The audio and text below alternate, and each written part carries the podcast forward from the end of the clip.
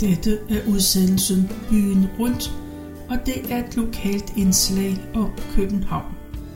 Mit navn er Tove Christensen, og jeg har været på Københavns Stadsarkivs hjemmeside, og der har jeg fundet en erindring, som Berliot Olsen har skrevet.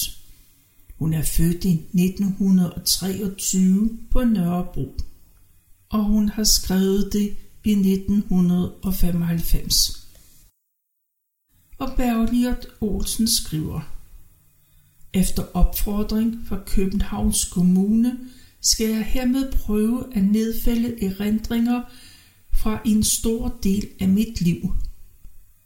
Mine forældre boede i Birkegade nummer 17, stuen til venstre på Nørrebro i København.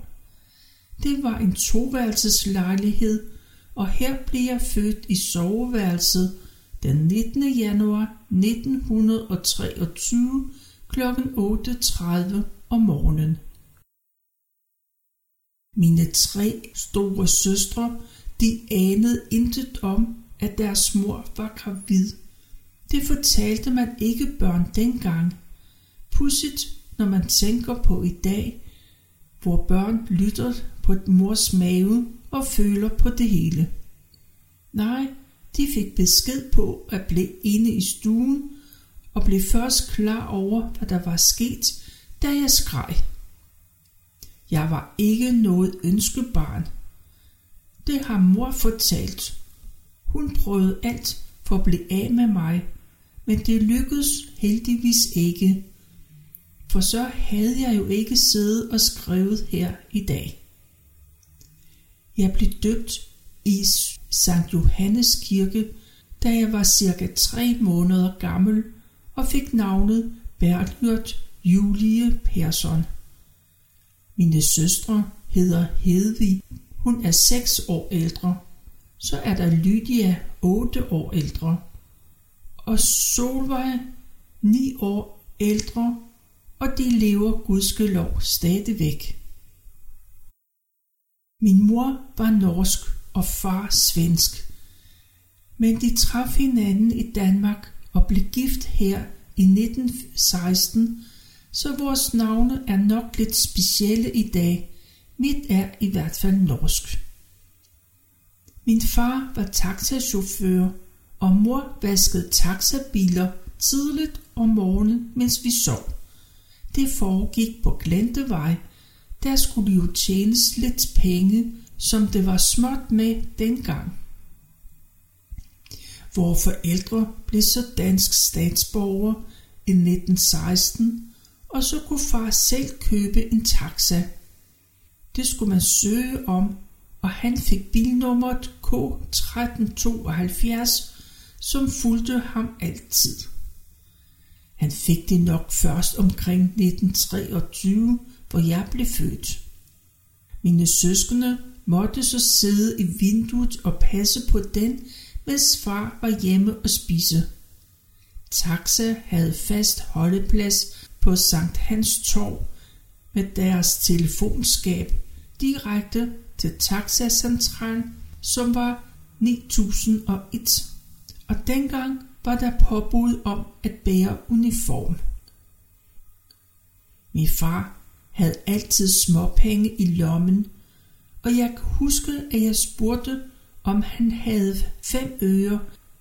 Jeg havde en ti øre, men var ikke meget forveksle den. Jeg har åbenbart altid været økonomisk. Det siger noget om pengenes værdi før, og nu hvor de mindste øre er 25-50 øre.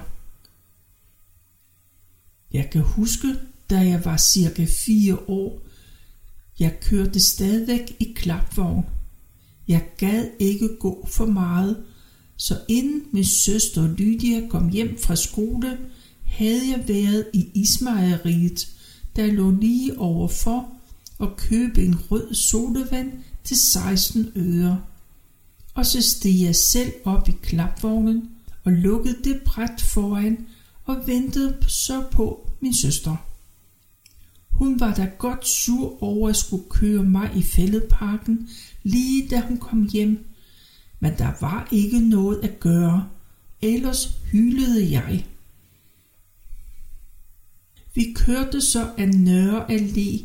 Hun skubbede klapvognen langt væk og kom så selv løbende, inden jeg var røget ud på kørebanen. Men der var jo ikke så meget trafik dengang.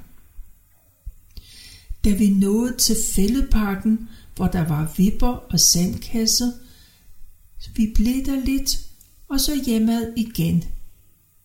Men I, hvor jeg bagefter forstår hende, de var selvfølgelig godt trætte af en forkælet lille søster. Vi var altid seks daglige mennesker i to værelser.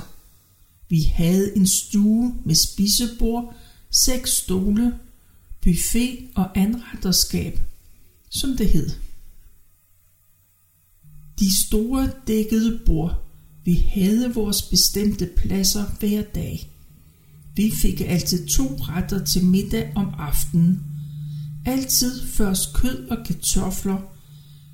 God mad, der blev vekslet imellem frikadeller, hakkebøf med disser, grønkål med flæsk eller gule ærter.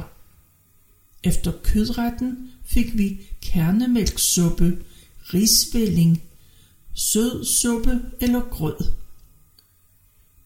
Jeg blev meget forbavset, når jeg spiste hos andre, og så fik vi kernemælksuppe først. Men vores måde var nok min mors skik, vil jeg tro.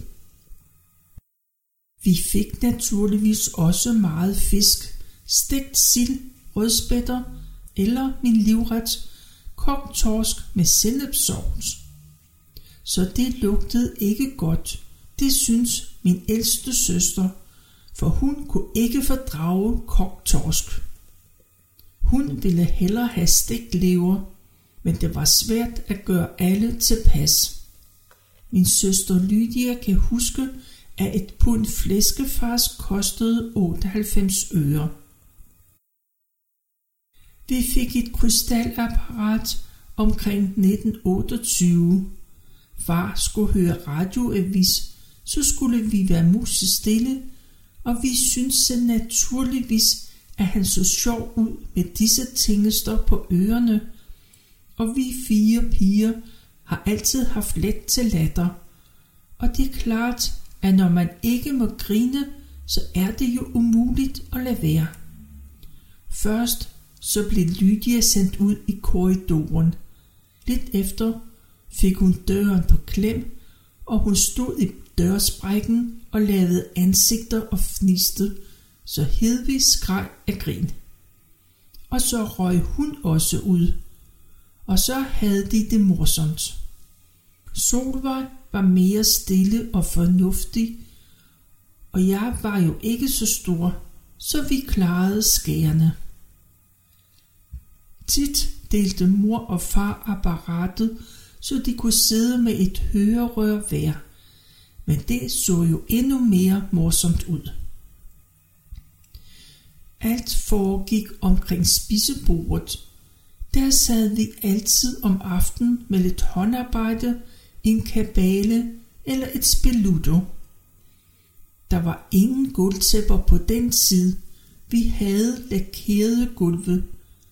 Men under spisebordet havde vi et linoleumstæppe med fint mønster og det skulle bones en gang imellem.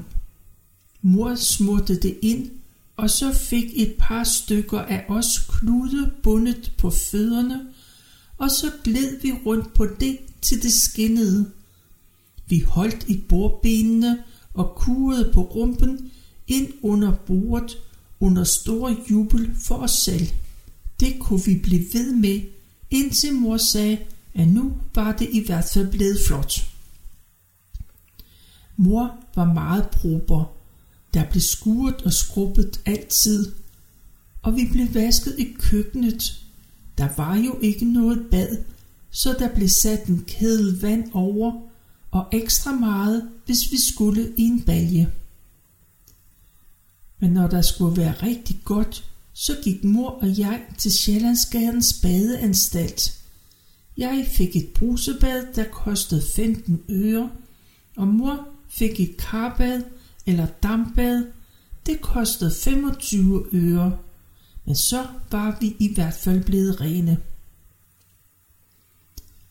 Når der var storvask med tøjet, så foregik det et lille hus, der lå i vores gård. Det var et slid. Når mor havde lagt rent på seks senge, og vi fik rent tøj på en gang om ugen, ja, tænk en gang, der skulle det fyres under en kedel, så tøjet kunne koges. Hun fyrede med aviser og koks.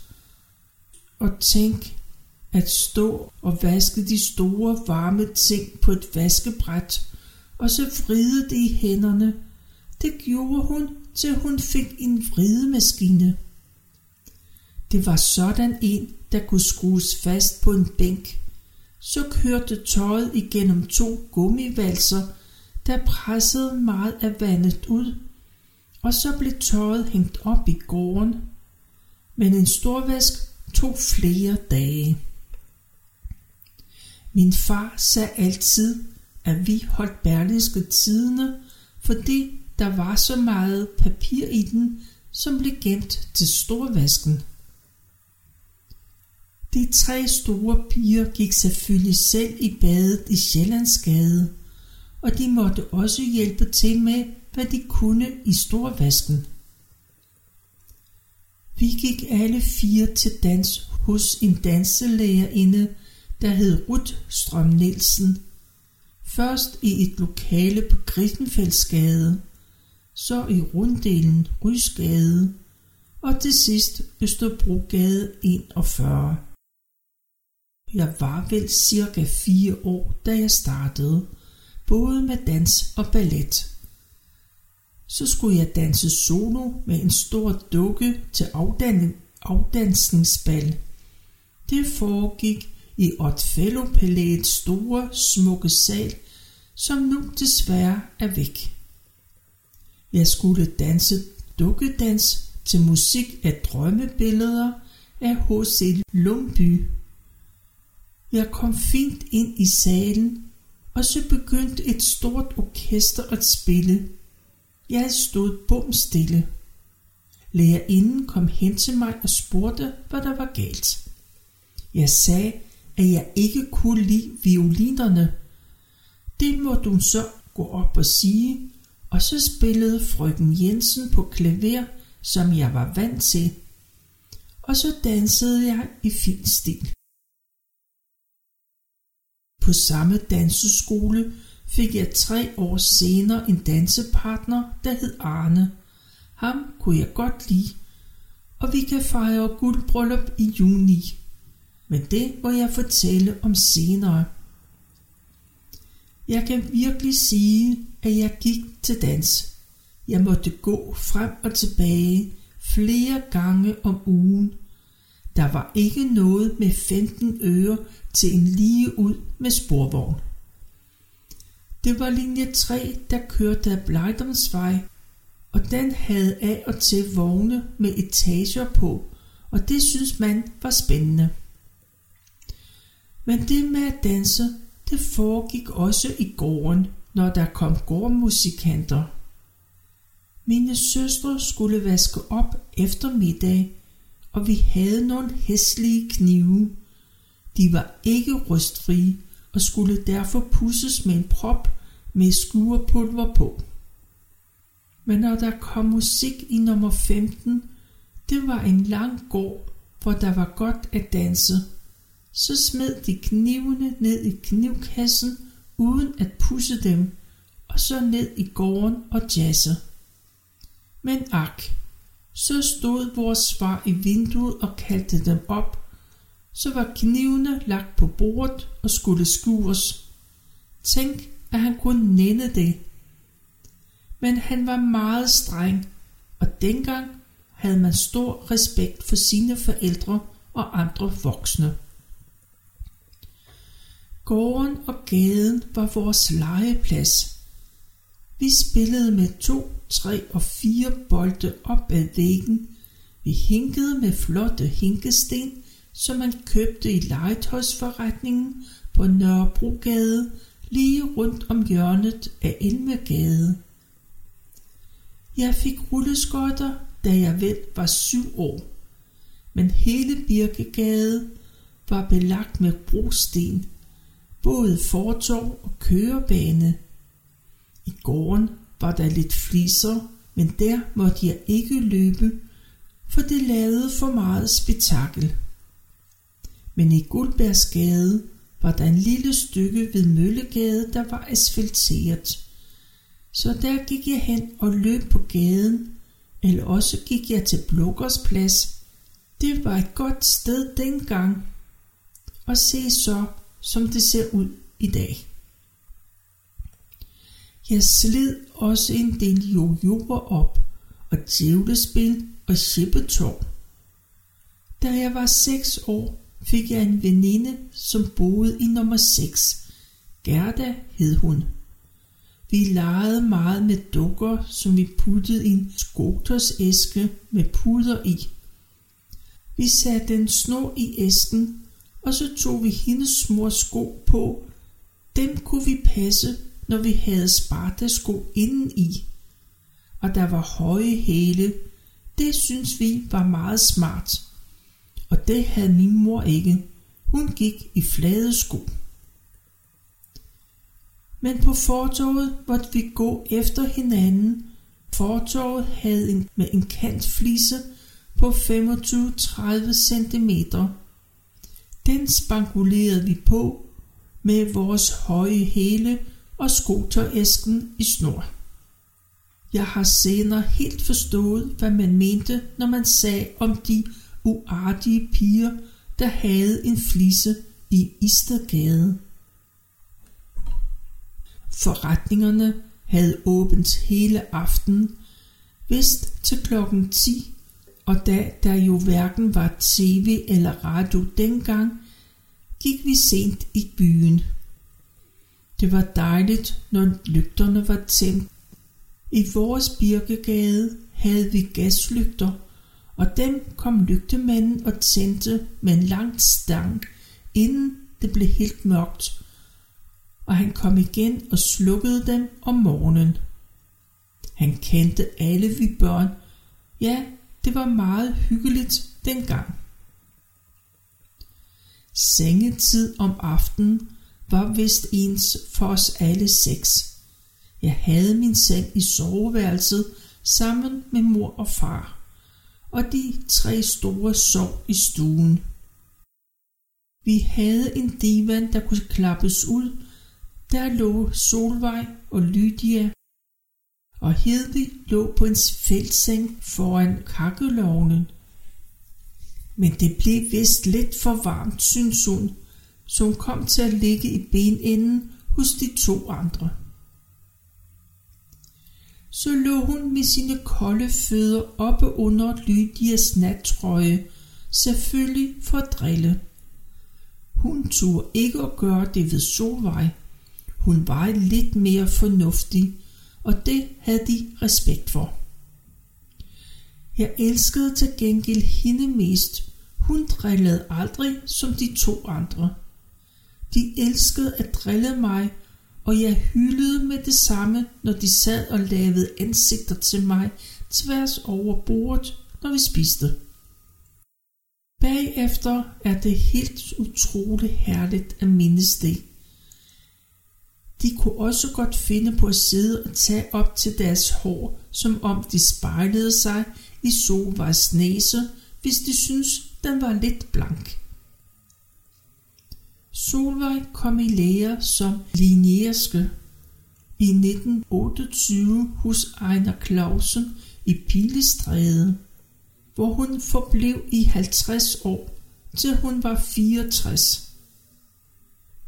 Så tjente hun jo lidt, men betalte det meste hjemme. Men vi fik da en gramofon, og så blev der købt plader.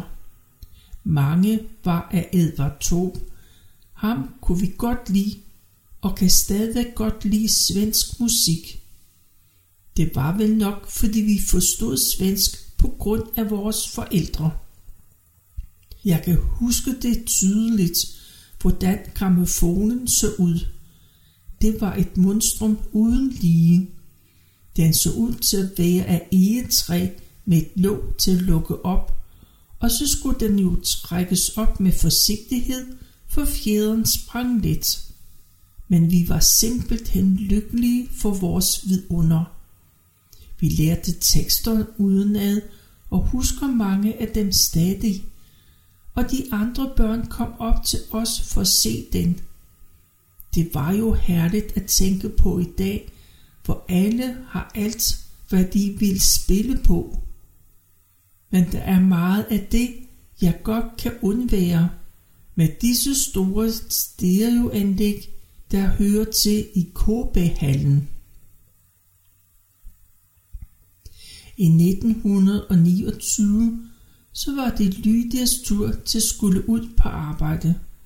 Hun var 14 år og fik plads som bogbinderjomfru hos Weber i Peter Wittfeldstræde, og kort efter fik vi vores første rigtige radio. Det var en oplevelse, at nu kunne vi jo alle sammen høre radioavis samtidig, og hvad der ellers var af underholdning. Jeg husker, at for eksempel familien Hansen med Ove og Gerda og middagskoncerter med forskellige orkestre. Teddy Petersen fra Kilden i Aalborg og fra Verna i Aarhus. Det var dejlig musik. På den tid spacerede mor og jeg til den gamle grøntorv. Især når det var syltetid, så købte vi asier og agurker og sviskeblommer. Og mor pruttede altid om prisen. Det var hun ekspert til. Og jeg kunne ikke lide det, for jeg følte, at vi var fattige. Så jeg var lidt flov over det. Men vi slæbte det hjem gående, og det var en pæn tur med tunge tasker fyldt med syltevarer. Og det var tidligt om morgenen. Jeg tror, torvet lukkede klokken 9. I 1930 så kom Hedvig i lære, det samme sted som Lydia, og jeg begyndte i første klasse på Nørre Allé skole. Det var jeg ret glad for. Jeg kunne lide alle fag og lærerne. Men når jeg tænker over det i dag, sikke så et besvær vi havde. Vi gik til tandlæge i Sjællandsgade, nej, i Stævnsgade skole. I bad på Sankt Hans Torv i nogle gamle baderum der, og spillede bold på fælleden om sommeren. Da vi fik husholdning, foregik det på Fælledvejens skole, og vi har haft gymnastik i Ravnsborggadens skole. Når jeg tænker på det i dag, må vi jo have vandret rundt altid. Men lidt fik vi da lært. Det var jo en rigtig gammel skole med piger for sig og drenge for sig. Men det gjorde vist det hele lidt mere spændende i frikvarteret at kigge over til hinanden. Men det var nok lidt senere, når vi blev større. I 1931 købte mine tre søstre hver sin nye cykel. Nogle flotte, høje, sorte skot hed de vist. De kostede 98 kroner per styk. Så nu kunne de køre i stedet for at gå. Men der var de altså 15, 17 og 18 år, før man var så heldig at kunne købe en cykel. Det var en dag uden at vores far vidste det, for han syntes, at det var livsfarligt. Han så jo alle disse trafikanter fra sin taxa, og det var jo mange cykler dengang. Der var jo ikke cykelstier alle steder, så det var nok med livet som indsats. Men de klarede det da, og jeg tænker tit på min far i dag, hvor jeg selv er bilist, hvor vi atter har fået en masse cyklister, og ser, hvor farligt det er. Man har dem alle vegne, og de er jo sårbare på sådanne to hjul. Når det var sommer og badevejr, cyklede de tre store til Dragør, og mor og jeg var først med sporvogn til Amager, så gik der to derfra til Dragør. Mor havde så været tidligt oppe og smør en masse mad. Far var ikke med. Enten så sov han eller kørte taxa. Men mor var fantastisk, at hun gad at være med os, for hun gik ikke selv i vandet. Hun synes ikke om sig selv i en badedragt, da hun var ret kraftig og havde dårlige ben.